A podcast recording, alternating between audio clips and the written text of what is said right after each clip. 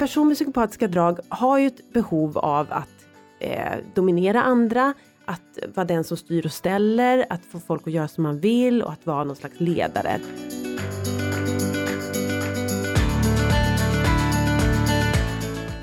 Dra lögner till exempel, att de berättar historier som inte går ihop.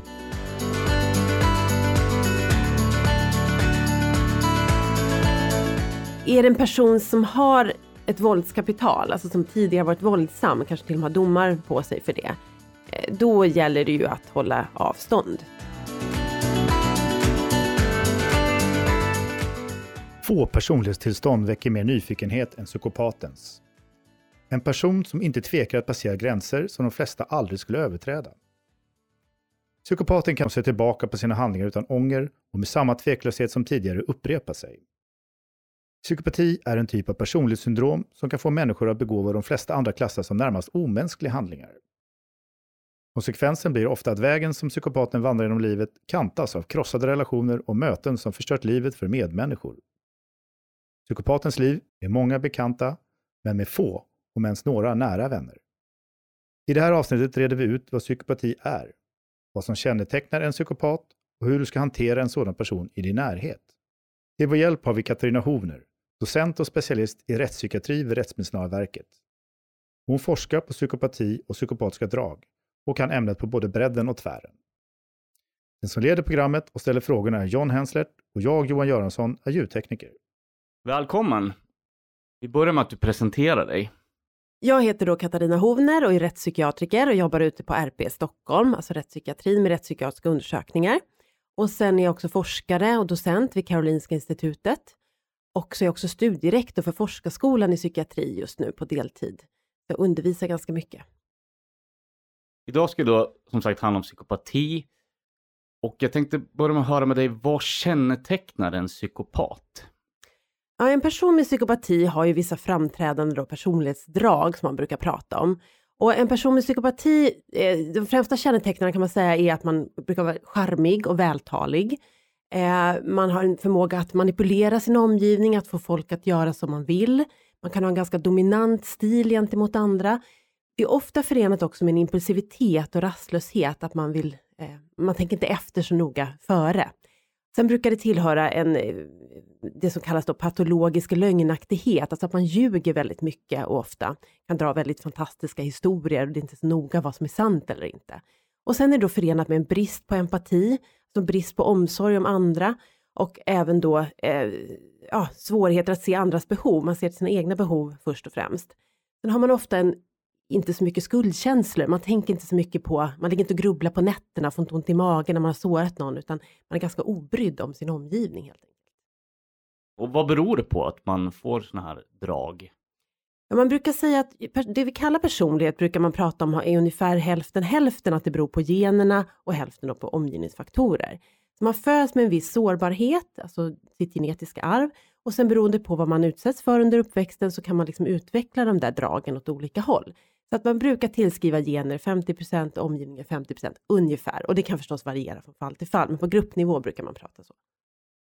Och hur lyder diagnosen för en psykopat? Ja, psykopati finns inte som diagnos i våra vanliga standarddiagnosmanualer då, ICD-10 eller DSM-5 som vi jobbar med inom psykiatrin. Där har vi ett närliggande tillstånd som kallas antisocial personlighetssyndrom. Och det kan man säga är ett överlapp mot psykopati, eller din, ja, liknar det. Man brukar prata om att psykopati tillhör personlighetssyndromen, så det är ett personlighetssyndrom och man kan beskriva det som en allvarligare form av det antisociala personlighetssyndromet. Det vill säga alla med antisocial personlighetssyndrom kommer inte också uppfylla psykopatibegreppet, men de flesta med psykopati har också antisocial personlighetssyndrom.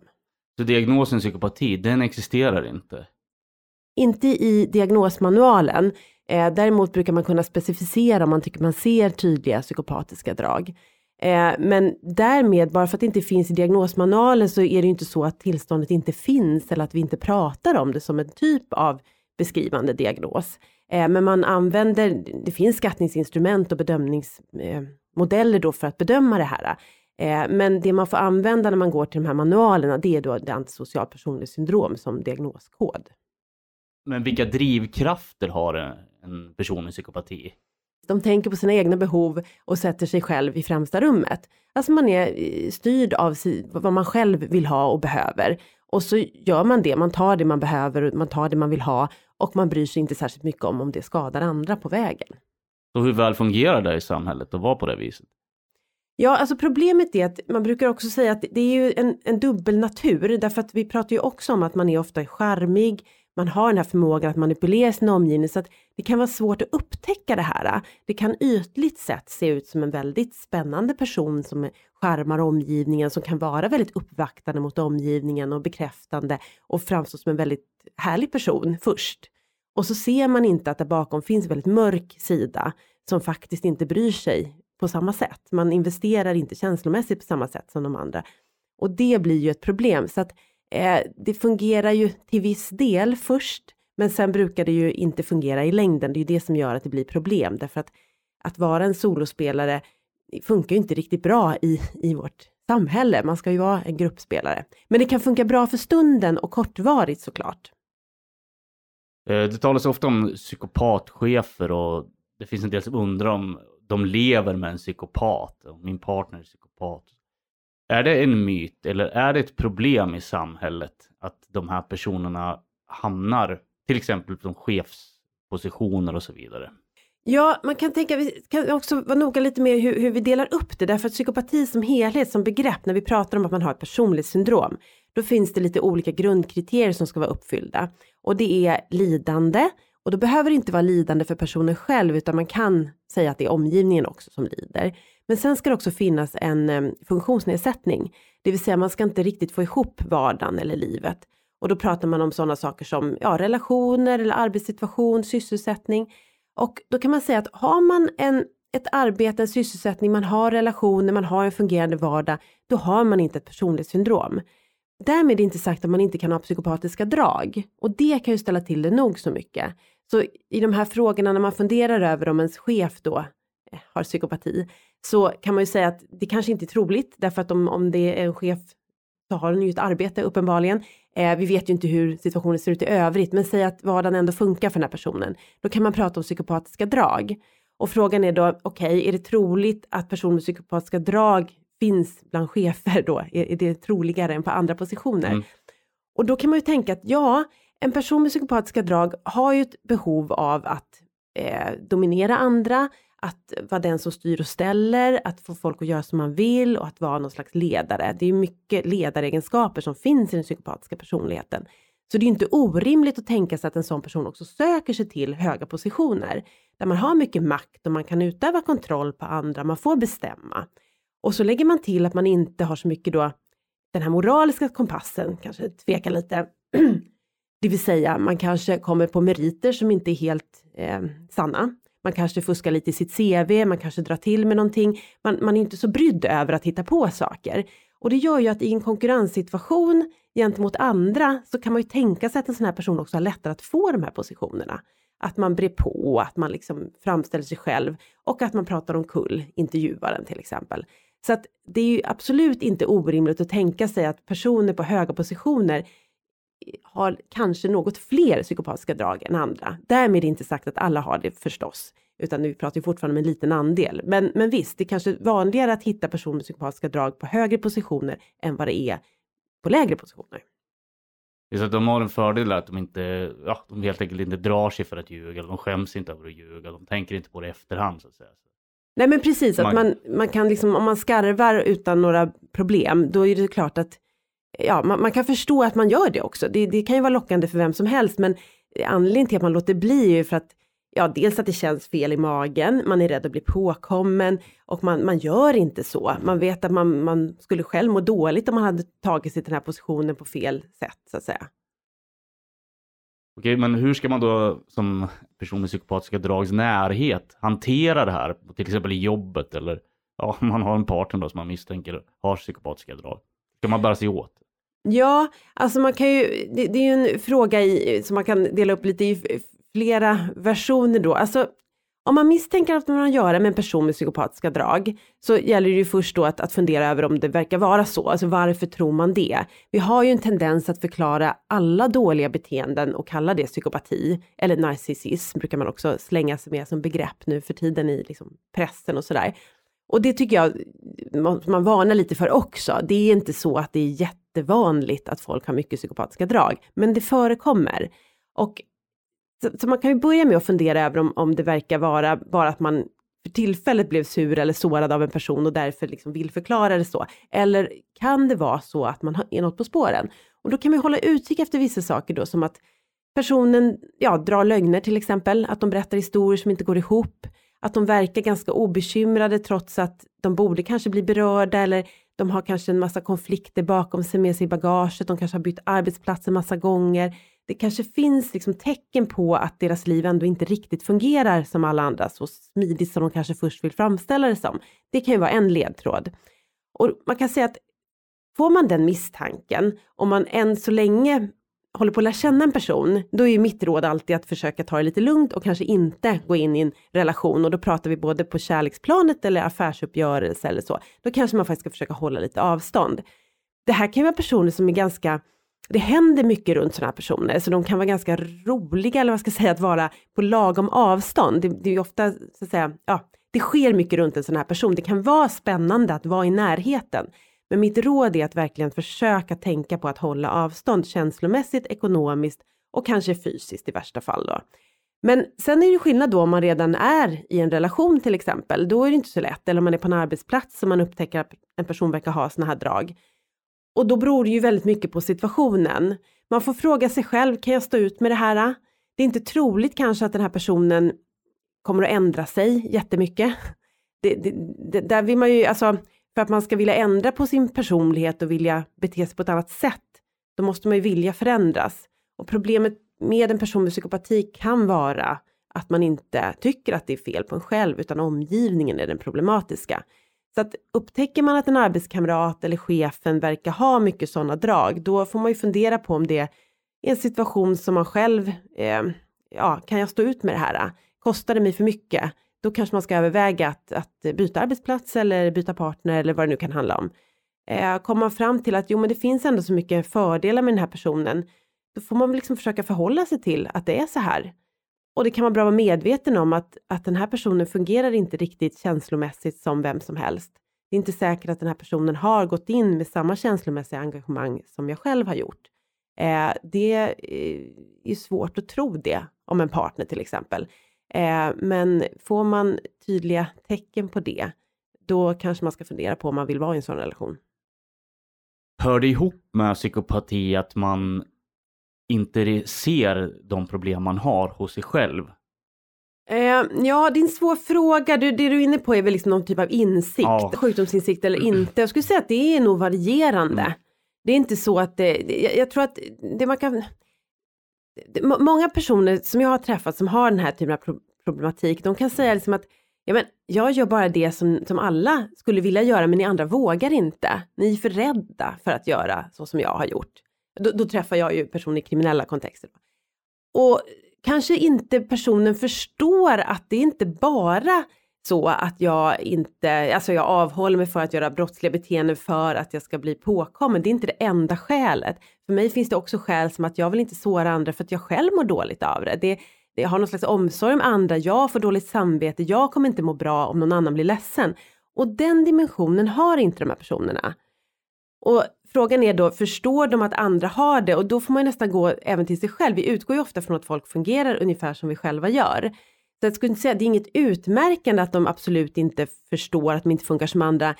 Men ja, kan man leva sig in i hur andra har det, där, där kan det ju brista. Att, att man inte förstår att andra funkar på ett annat sätt. Men det är ju lika svårt för mig kanske att förstå att någon inte får dåligt samvete till exempel. Så att ja, det, det, vad ska jag säga, det är ju eh, och, och, ibland har ju personen fått höra det här. Eh. Ja, jag, många beskriver att jag har dålig empati eller klagar på att jag inte är så känslomässigt engagerad och så. Eh, så att då kan de ha fått höra det och vara väl medvetna om att det är så. Och kanske inte tycka att det är ett problem, eller så tycker man det. Man kan också tycka att nej men det, jag lider inte särskilt mycket av det, så att, varför ska jag bry mig? Så att det finns ju alla varianter förstås. Men det är inte så att det är utmärkande som i vissa andra psykiatriska tillstånd där det här med sjukdomsinsikten är liksom vanligt förekommande, att man absolut inte håller med om att man är sjuk. Det, det, riktigt så är ju inte problematiken här.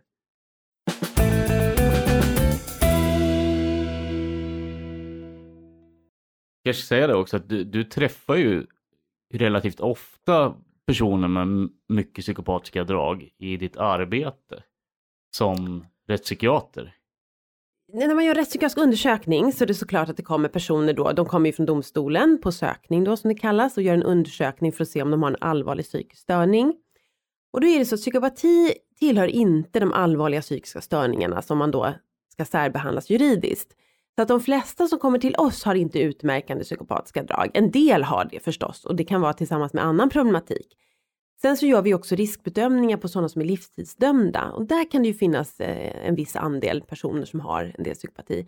Eh, men jag skulle säga att mest har jag ju träffat de här personerna i min forskning eftersom min forskning rör just psykopati.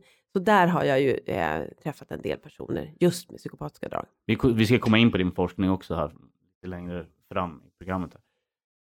Eh, men säg då att man hamnar i konflikt med en sån här person med psykopatiska drag, en psykopat då, vad ska man göra då? Hur ska man hantera ett sån, en sån problematik?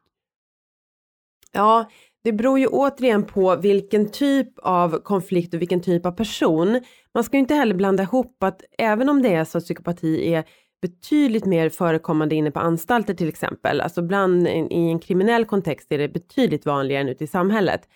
Eh, men personer med psykopatiska drag kan ju finnas på andra platser då, så att är det en person som har ett våldskapital, alltså som tidigare varit våldsam, kanske till och med har domar på sig för det, eh, då gäller det ju att hålla avstånd, så, så, att säga. Då är det kanske inte värt att ta den där konflikten i slutändan. Då kanske man ska på något sätt undvika den.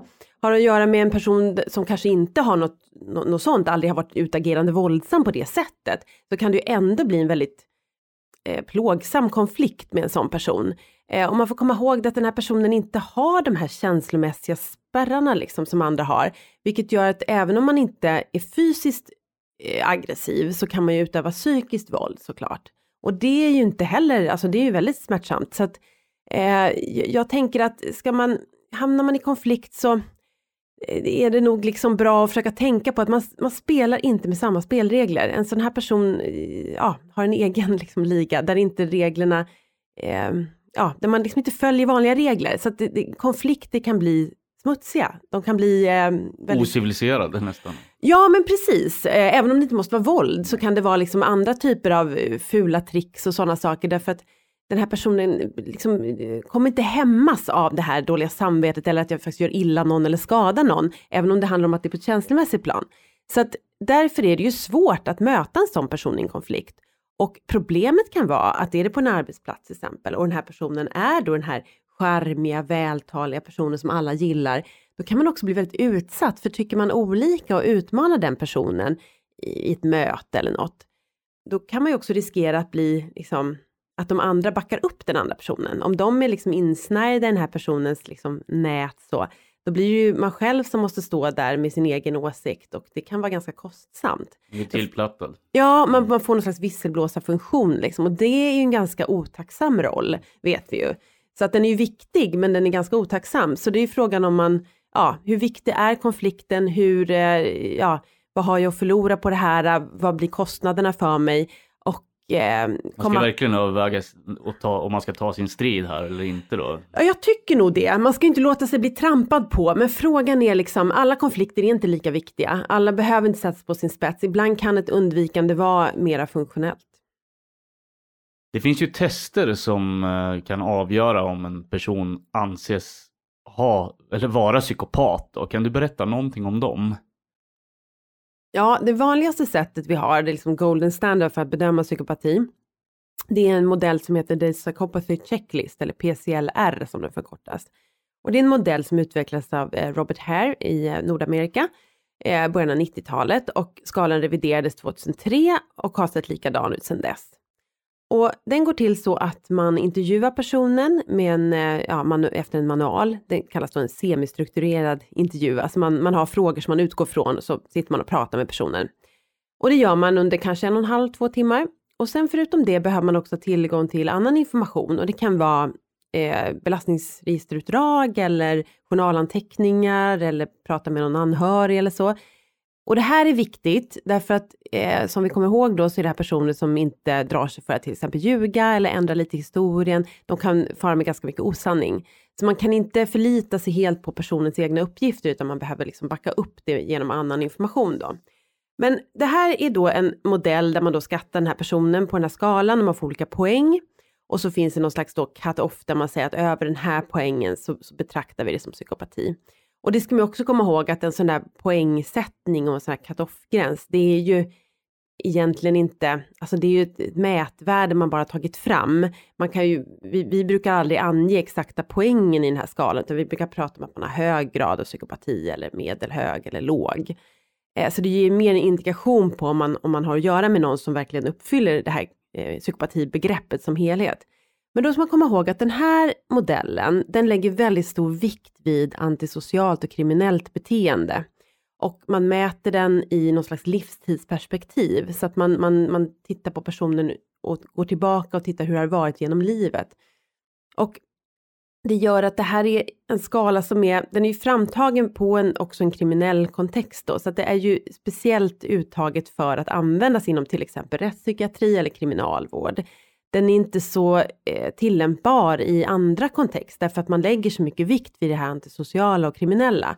Och det Men, kan du ja? bara nämna något konkret vad som gör att man ökar på den här skalan då? Ja, vad man får poäng på då. Ja, om man får poäng då får sån sak som skärmighet och vältalighet, impulsivitet, det här med ljugandet är med, om man har manipulativa drag, bristen på empati, men sen även då sådana saker som uppförandestörning, alltså att man tidigt börjat med ett normbrytande beteende eh, i tidig ålder i barndomen. Eh, den tar också upp sådana saker som kriminell mångfald. Det betyder att man har i sitt belastningsregister en massa olika typer av brott. Och det här är väldigt typiskt också, det här är ofta livstidskriminella, alltså personer som, som har en kriminell livsstil, så att man, eh, man har begått alla möjliga typer av brott. Det ger också poäng då. Det ger poäng om man har brutit mot till exempel villkorlig frigivning och sådana saker. Så att det läggs ganska mycket tyngd på det här antisociala beteendet, vilket gör att för att komma upp i de här höga poängen så behöver du egentligen vara kriminell. Eh, och det där har kritiserats en del mot skalan, att man eh, funderar över, ja, men den psykopatiska personligheten då, utan kriminaliteten, vad är den? Borde man inte kunna mäta den på något vis? Så att nyare modeller som man har tagit fram då, där försöker man att ta bort mycket av de här antisociala och kriminella faktorerna och försöka titta mera rent på personligheten. Eh, och de eh, modellerna, de finns ju också. Det finns skattningsskalor för dem också. Men än så länge så kan man säga att det här med PCLR, det, det, sitter ganska hårt. Det är det som fortfarande är någon slags golden standard då.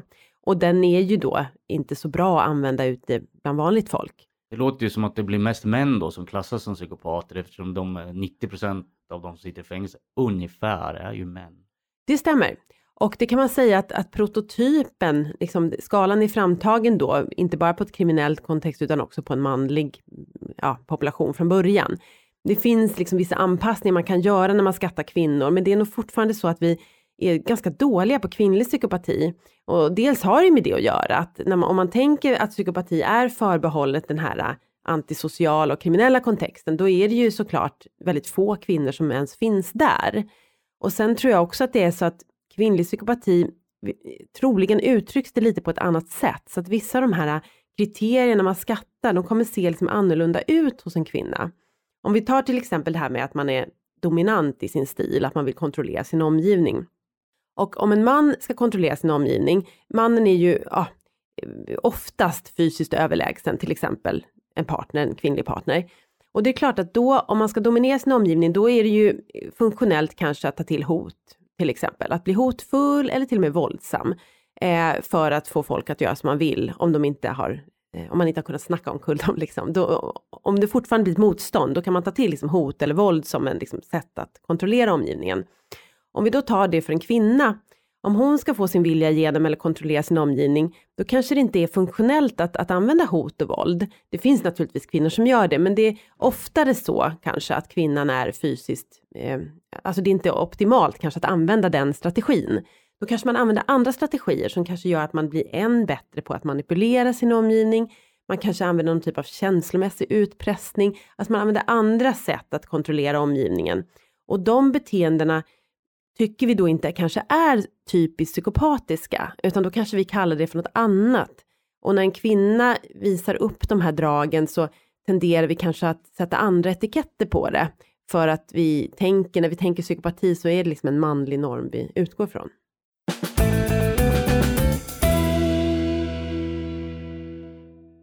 Så hur många psykopater beräknas finnas i en population då? I ett land, vilket som procentuellt då? Ja, precis. Eh, det är ju väldigt svårt då att få tag på tillförlitliga siffror där. Man brukar prata om en halv till en procent i normalbefolkning. Men går man då in på en anstalt till exempel, då är det betydligt mer. Då pratar vi om, ja det är lite olika olika studier, men mellan 15 upp till 25 procent ungefär. Någonting som många undrar är vad är skillnaden mellan en psykopat och en sociopat? Ja, alltså man kan säga sociopat är en, en äldre benämning kan man säga på det här tillståndet, det här begreppet. Eh, jag brukar inte använda begreppet sociopat. Eh, jag tycker också att jag kan höra att folk har lite olika definitioner vad de menar när de använder det ordet. Så man måste nästan vända, bolla tillbaka frågan till den som använder ordet vad de menar. För att jag vet inte, jag har hört folk som förklarar, ja men sociopat det är ju en psykopat som inte begår brott eller det kan vara en psykopat där det beror på sociala omständigheter och, och det här är inte liksom vedertaget exakt vad det är. Det finns som benämning i de första versionerna av DSM. Då fanns det med sociopat och sen byttes det över till antisocial Som person. en diagnos då? Ja, men okej. innan det blev då antisocial personlighetssyndrom. Men, men det... Så att jag tänker att det är mer ett historiskt, en historisk term som man har använt. Men det finns också olika definitioner historiskt sett också där man har försökt skilja upp de här begreppen. Så att eh, jag använder det inte bara. Kan man bota en psykopat? Ja, det där är en intressant fråga och man kan säga så här att det förekommer ganska mycket i litteraturen. När jag började inom det här området, då var det väldigt mycket så en sanning att man inte kunde det. Eh, det var tvärtom så att det sades att man blev förvärrad av behandling. Och, eh, men allt eftersom man har, jag har jobbat inom det här ämnet och, och eh, ja, läst mycket litteratur kring det och var på konferenser och så, så har det blivit mer och mer tydligt att den här gamla sanningen som faktiskt står i vissa läroböcker, att de blir förvärrade. När man går tillbaka till liksom källan, var det kommer ifrån, så är det en studie som publicerades på ett försök som gjordes för jättelänge sedan i eh, Nordamerika, där man eh, testade en typ av behandling på personer på något motsvarande något rättspsykiatriskt sjukhus, att det var personer som var inlåsta, de var dömda för brott och de hade också psykiatrisk problematik. Och man gav dem eh, en behandling och sen när man följde upp det så såg man att de med psykopati, de hade återfallit i värre brottslighet eh, om de hade fått behandling jämfört med de som inte hade fått behandling. Eh, och då drog man någon slags slutsats då att behandlingen förvärrade dem. Men då är det viktigt att fundera över vad var det för typ av behandling de fick? Och det, när man går till botten med det så är det ja, fruktansvärda eh, övergrepp kan man säga. Det är enormt invasiva, eh, de ska terapeuta varandra, fångarna. Alltså utan, det är inte en terapeut som är med dem, utan de ska själva liksom ge, ordinera läkemedel, LSD, olika droger och de ska sitta och prata med varandra och berätta om de hemska saker de har gjort. Och det byggde på någon slags idé om att man skulle bryta ner personligheten för att sen kunna bygga upp en ny. Så att det är väldigt fruktansvärda liksom, övergrepp som har begåtts på, under den där studien. Och att den då ledde till att folk blev förvärrade, det är liksom inte, det är inte jättekonstigt att förstå det. Så att jag skulle säga att man kan inte säga att behandling förvärrar. Däremot så är det så att det är ett svårbehandlat tillstånd, det är inte, det är inte superenkelt. Och vad handlar det om? Jo, det är ju inte direkt läkemedel vi pratar om när man pratar om att behandla personlighetsstörning eller personlighetssyndrom, utan då är det ju mera eh, psykoterapeutiska insatser, att man behöver jobba med sig själv och försöka jobba på hur man brukar reagera, hur man kan reagera annorlunda, hur man tolkar världen, omgivningen och så. Man behöver väl hjälp med det eller från en professionell person? Ja, men precis. Och, och man behöver då oftast ha en ganska stark egen drivkraft och motivation till att man vill förändras. Och det där kan ju vara lite knepigt för en person som inte själv upplever så mycket negativa sidor av sin problematik och kanske tycker att problemen ligger hos andra. Då är det ju svårare. Och man kan också tänka att det, det är en svårighet i att i en sån här terapeutisk allians mellan terapeut och, och det man behandlar så bygger ju en del av det på någon slags känslomässig anknytning också. Det har ju de här personerna svårt med, så det är inte så lätt heller som behandlare att, att eh, genomföra behandling med en sån här person. Den här personen har ju också ofta då den här ganska grandiosa självbilden, eh, så man har ju svårt att ta emot hjälp och tips och råd från någon annan. Det liksom går emot ens natur att någon annan ska veta bättre, så att det blir också svårt. Man har den här dominanta stilen, kanske man även i rummet, att det blir man är inte så bekväm med att vara sårbar och hjälplös. Och det är det man ofta är i en terapisession. Alltså det, det, blir, det ligger ju i natur att terapeuten är den som ska guida en eller hjälpa en framåt. Och det är klart att då behöver man ju öppna upp för det. Så det finns såklart en, en massa terapistörande faktorer i, den här, eh, i det här tillståndet som gör att det är svårt. Men, men jag har ändå någon slags förhoppning om att det ändå skulle gå, för jag tror ändå att det finns en del personer som kanske framförallt då har den här kriminella livsstilen som är rätt trötta på det, som inte tycker att det är värt och faktiskt skulle vilja ha något mera vardagsliv. Kanske när man har blivit lite äldre och man har fått ganska mycket negativa konsekvenser. Då tror jag ändå att det finns en öppning. Och på samma sätt som jag tänker att man också kommer man in tidigt kanske man också kan göra mera. Men det finns ingen vetenskaplig studie med sådana här personer som har visat att det finns exempel på sådana som har slutat le leva ut den här typen av Antisocialt personlighetssyndrom? Ja, alltså man kan säga så här, det finns, dels så finns det vissa fallstudier som presenteras när man har liksom kommit någon vart med en väldigt psykopatisk person. Så. Men man, man kan säga att det är klart att det finns framgångsrika eh, beskrivningar av folk som slutar med kriminalitet. Eh, självklart finns det det. Sen är det ju inte lätt, det är inte, den stora massan eh, är ju svåra att komma åt. Men det är klart att det går. Eh, men det som är grejen är att det testas en del olika liksom behandlingsmodeller och varianter på olika terapier för att man ska liksom rikta in det mot just psykopati. Så att det pågår en del forskning men det, det har varit under ganska många år höll man inte på så mycket med det just på grund av det här att man betraktar det som att man blir förvärrad av behandling. Så under många år har det varit en slags stiltje. De, har, de här personerna har blivit liksom exkluderade från behandling för att man har varit rädd att de ska bli värre. Och det är väldigt, väldigt olyckligt. Men det pågår en hel del forskning på olika håll, men vi har än så länge idag inte någon liksom gyllene, så här, den här terapiformen är den som funkar på de här personerna. Så kan man inte säga. Men det pågår ganska mycket behandlingsforskning eh, just nu på olika sätt och med olika sätt att försöka komma åt det här. Så att jag har ändå hopp om att vi ska hitta någon typ av sätt. Men som sagt, man kan få dem kanske att tagga ner, men just den här, den här empatistörningen och sådär, den antar jag är svår att göra någonting åt. Den, den måste väl sitta i en person? Ja, det är nog svårt att tänka att, att målet ska vara att få mer empati. Det, det, kan vara ett svårt mål att nå. Utan det man brukar rikta in det på är ju mer att upphöra med brottsligt beteende. Eh, för det är också det som skadar eh, samhället mest. Empatistörningen skadar naturligtvis de som är i närheten, så det är ju inte liksom oviktigt. Men där kanske man får jobba med att istället för att tänka att man ska få personen att verkligen känna de här sakerna så kanske man kan jobba med att okej, okay, du kanske inte känner det här, men eftersom det leder till att din partner kanske lämnar dig för att du inte kan, så kanske du kan fundera på ditten och datten. Ja, så.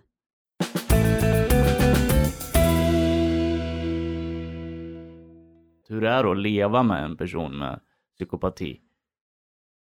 Ja, alltså problemet är ju att det, det kan vara så länge allting går bra och så länge det liksom är medvind och man är på samma sida och så länge man, man vill samma sak och har samma mål, då, kan, då behöver det inte vara några problem. Som sagt, det här kan ju vara personer som i, i början framförallt av relationer kan vara väldigt översvallande och väldigt uppskattande och, och väldigt duktiga på att, så att säga, se den andra personen och ge uppskattning och höja någon annan.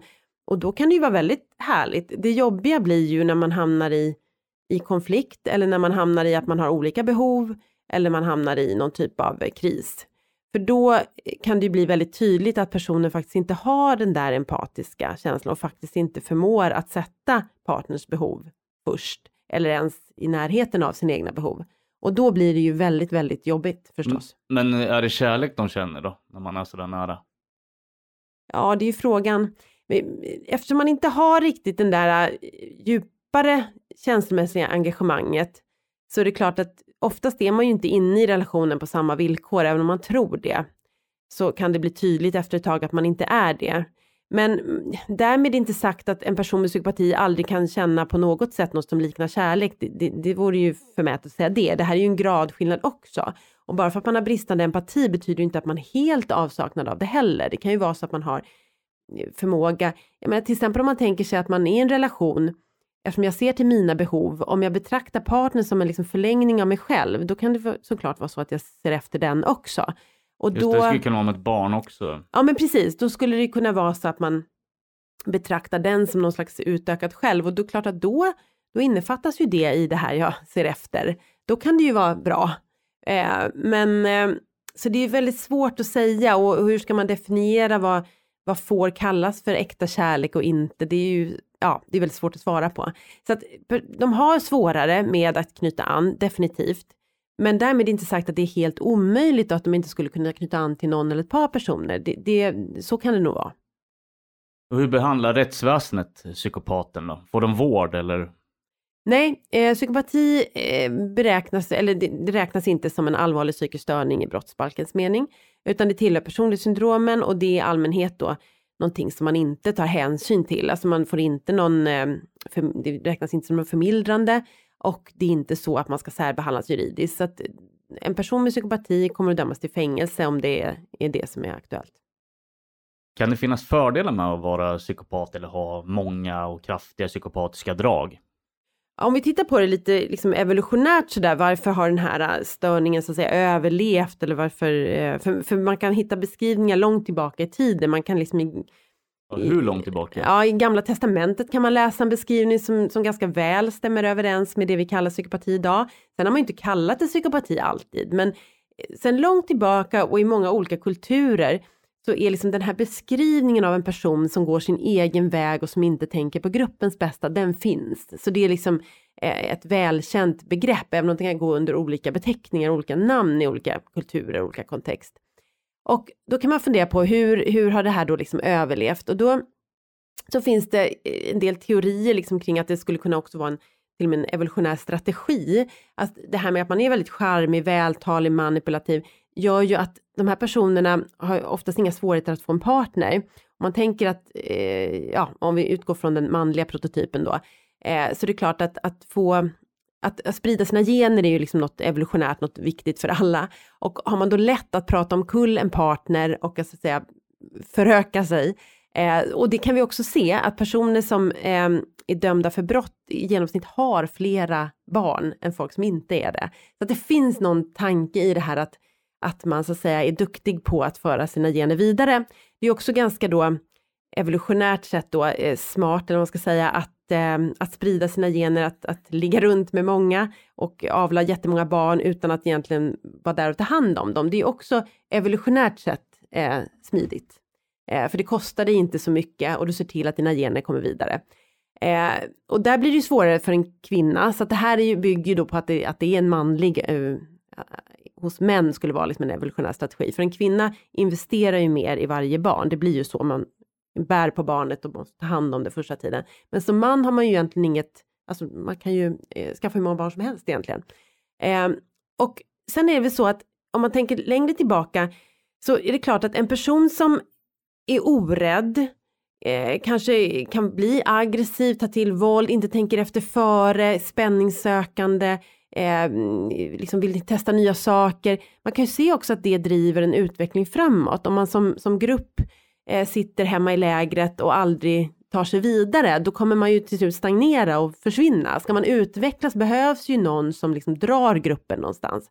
Och då kan det ju vara ett sätt att se de här personerna som att de har varit de som vågar ta risker. Och även det här med aggressiviteten och våldet, att en person som inte räds att gå in i en, en fysisk fight till exempel. Det kan ju vara bra för gruppen om det finns någon som, som är beredd att ta den rollen.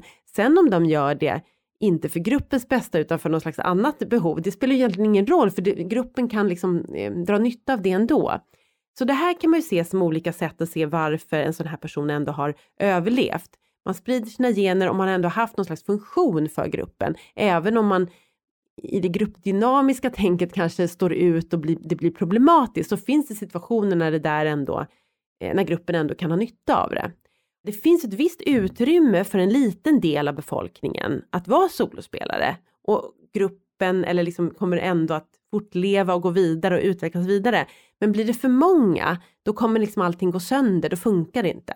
De flesta måste vara lagspelare, men det finns ett utrymme för att ha några solospelare. Det kan man tycka vad man vill om det är rätt eller fel, men, men så eh, tenderar det ju att vara. Och det skulle också då kunna förklara att den här ändå strimman finns kvar och lever vidare.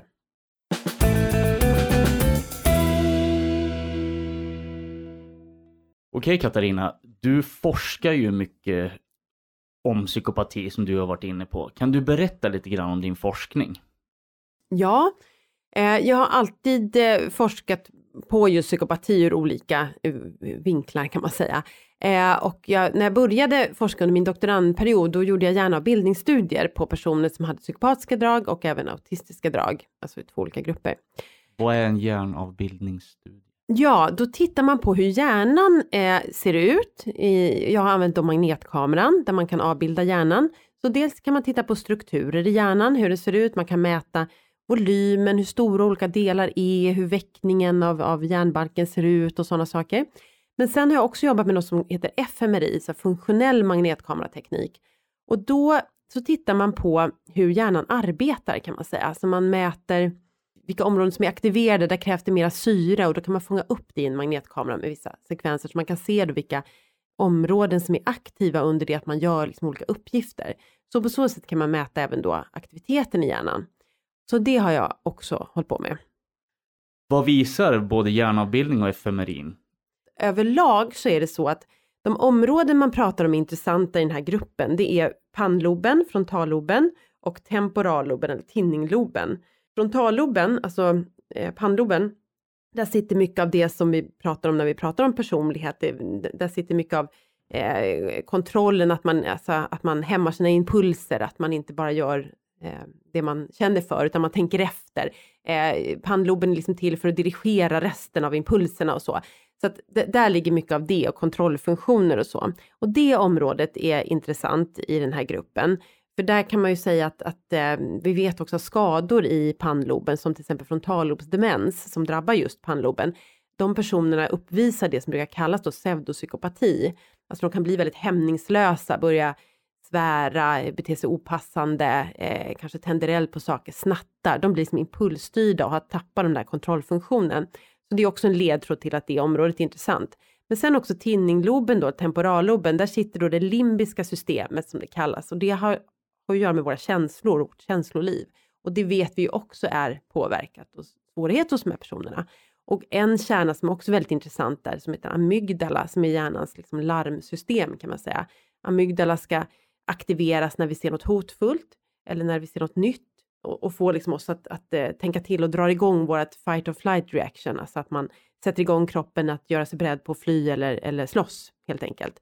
Och amygdala är en struktur som om man tar till exempel en, ett helt annat tillstånd då, social fobi eller så, när man är ångestdriven, då brukar man prata om en, liksom en överaktivering i amygdala. Och hos de här personerna kan man ju tänka sig det liksom omvända, man får ju inte den här eh, stresspåslaget och man reagerar inte riktigt som andra när man ser känslouttryck i ansikten och så. Så att amygdala är också en sån struktur som man tittar mycket på och där har man sett vissa skillnader på gruppnivå i liksom, eh, ja, hur, hur amygdala är format, och olika delar i amygdala kan variera lite. Den ser ungefär likadan ut, men när man tittar på det ännu längre ner så kan man se liksom olika delar av den här kärnan som då kan variera lite i storlek eller i liksom tjockna, ja sådär. Men man kan säga att överlag så är det så att det, det, är bara på gruppnivå vi har sett avvikelser. Det finns inte någonting, vi kan inte ta en hjärna och undersöka den och säga någonting om den, den personens eh, personlighet eller psykopatiska drag. Utan det här är på gruppnivå och det handlar om att hitta vilka områden är de intressanta, vilka nätverk verkar vara skilda, vad är det för eh, avvikande så att säga, kontaktytor som, som sprakar när, när vi gör olika uppgifter och så hos de här personerna. Och då har man också sett då genom såna funktionella tekniker när man tittar på aktivering att man behandlar känslomässiga stimuli som om de inte vore känslomässiga. Alltså man tar inte in den känslomässiga informationen. Och det rimmar ju väldigt bra med när vi tänker på hur sådana här personer beter sig. Alltså man tar inte med den känslomässiga informationen i bilden, liksom. alltså man bortser från den. Eh, och det eh, stämmer ju väldigt väl överens med beteendet så som vi ser att det är. Vad handlar din forskning om just nu? Ja, men nu håller vi på med lite olika projekt då. Jag har gjort ett, ett stort, som det då kallas, postdoc-projekt efter jag disputerade då, som, eh, där vi dels tittar på psykopati med lite olika av de här modellerna och instrumenten och mätare, där vi både har gjort PCL-skattning men också mätt det genom ett självskattningsformulär enligt en annan modell och vi har även låtit personalen skatta de intagna. Och där har vi ett material på nästan 200 personer på klass 1-anstalter i Sverige. Eh, så det är ett väldigt stort material där vi också har tagit lite blodprover. Vi eh, tittar på vissa kandidatgener som vi är intresserade av och vi har också mätt en massa olika andra eh, tillstånd som ADHD-symptom och ja, vi har ganska mycket information om de här personerna då och den, den studien, den har vi gjort en slutrapport för kriminalvården för och där har vi då bland annat sett att den här självskattningsskalan då som kallas TriPM som bygger på en annan modell av psykopati, den överensstämde väldigt bra med expertskattningen med PCL då, R. Och det var ju bra, det gav ju stöd för den här äh, andra modellen, att det verkar vara så att man, man skattar sig själv ungefär så som experten också skattar den. Och det tyder ju faktiskt på ett visst självinsikt, man ska säga. Så det var spännande. Och sen har vi också publicerat en del kring eh, samsjuklighet med ADHD och eh, psykopatipoäng eh, då på de här olika skalorna. Alltså, så, finns det en sån samsjuklighet? Eller? Ja, alltså det, det, finns så här, det finns ganska höga eh, många inom kriminalvården har ADHD också. Och frågan är hur stort överlappet är och om det ibland finns en tendens att man missbedömer, att man blandar ihop det. Alltså är det ADHD bara eller är det ADHD och antisocial personlighetssyndrom eller psykopati? Och hur stort är det här överlappet? Så det har vi eh, publicerat lite på och tittat närmare på också hur och, och, på vilket sätt verkar det vara smidigast att mäta ADHD och hur, eh, ja, hur ska man eh, hantera det när det också finns psykopati? För det finns vissa drag som är överlappande helt enkelt. Så det är en studie där vi fortfarande håller på och skriver på, för det är ett stort material som finns då. Men sen har vi, håller vi också på med en, eh, en annan då hjärnavbildningsstudie med magnetkameran igen då. Men då har vi gått ut i normalbefolkning och så tittar vi på personer som har mycket eller lite av dragen enligt den här TriPM-modellen som är en annan modell då för att mäta psykopati. Så då ja, mät... Självskattningsmodellen? Ja, precis, mm. självskattningsskalan då. Så då, då försöker vi undersöka personer ute i samhället som alltså inte har begått något brottsligt eh, som inte är på anstalt. Eh, och där då försöker vi titta lite på om den här modellen har stöd även i hjärnan, alltså att vi kan se att man, om man har högt eller lågt på vissa av de här delskalorna i skalan, också presterar mer eller mindre bra på olika tester. Och det handlar om förmåga till empati och även känsloreglering och belöningssystemet. Så där håller vi på, men där håller vi på med datainsamling, så vi har inte kommit så långt ändå. Men eh, ja, vi jobbar på där. Vad, kan, vad syftet med det skulle vara då, så att jag förstår det? Jo, men det för att den här modellen då, TriPM-modellen som den kallas, den, den, gör ett, den bygger på antaganden att det finns olika avvikelser i hjärnan, att det finns någon slags neurobiologisk bas till, till den här modellen. Och det har man byggt mera på ja, litteratur, alltså att det borde vara så. Det är ännu inte liksom testat egentligen, så vi skulle vilja testa då och se, okej, okay, kan vi säga att det verkar vara så här? För då har vi liksom en bättre grund i att, att dels hitta liksom undergrupper inom psykopatibegreppet och kanske se att det finns olika personer då som har sina problem i olika delar av hjärnan och i hjärnans eh, aktiveringssystem då på olika sätt. Så det, det är eh, en sån typ av forskning. Sen har vi ett projekt där vi också tittar på, det, det är inte så, ja, det, det, delvis behandlar psykopati, men också på överhuvudtaget personer som genomgår rättspsykiatrisk undersökning där vi mäter eh, just hjärtvariabilitet, alltså eh, hjärtfrekvensen, hur den ändras när man tittar på stressande bilder eller man tittar på obehagliga bilder och även hur man har förmågan att läsa av känslor via ett test som vi också kör. Eh, så det är också en pågående forskning där vi håller på att samla in data just nu. Okej, så det pågår massa informationsinsamling för att så småningom kunna bättre definiera vad som innefattar psykopati då? Ja men precis, och kunna bli lite mer precis i vad det är vi menar egentligen och ringa in det här på ett bättre sätt då. Och förhopp- tanken med det är ju att på något sätt längre fram kunna, om vi vet mera om vad det är som är fel och var felen sitter, ska man också kunna upptäcka det tidigare och kanske gå in och göra något.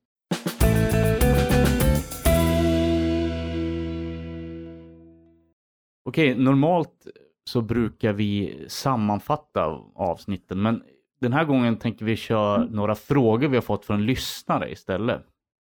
Vad avslöjar en psykopat? Ja, det, det är ju väldigt svårt. Men det här med att historier som inte går ihop, eh, att man, man kommer på någon med att ljuga väldigt obehindrat och att de inte verkar särskilt, eh, det, det bekommer dem inte så mycket när de blir påkomna. Det, det är ett sätt.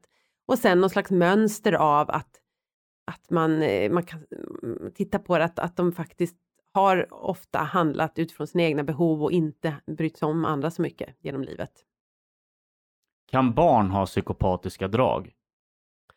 Nej, alltså man får, man får tänka så här, det finns eh, olika skalor där man kan titta på olika beteenden och olika drag från väldigt tidig ålder, men man måste också komma ihåg att jag menar i en viss ålder när man utvecklas, en helt normal barnutveckling, så finns det ju åldrar där i stort sett alla barn är små minipsykopater kan man säga. Det liksom ingår i den normala utvecklingen att vara egocentrerad och inte bry sig om andra och se till sig själv bäst och sådär.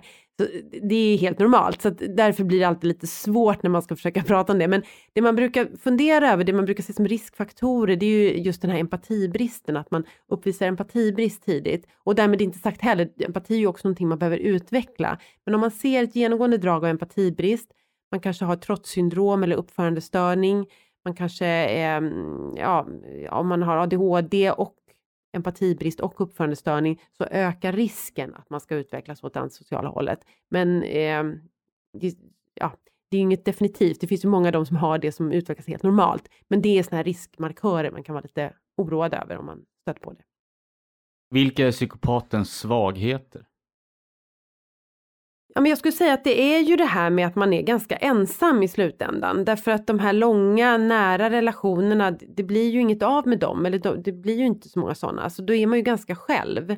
Och det tror jag ändå att de flesta människor ändå... Det, här är ju sociala varelser, så de gillar ju folk och gillar ju att det är inga ensamvargar så.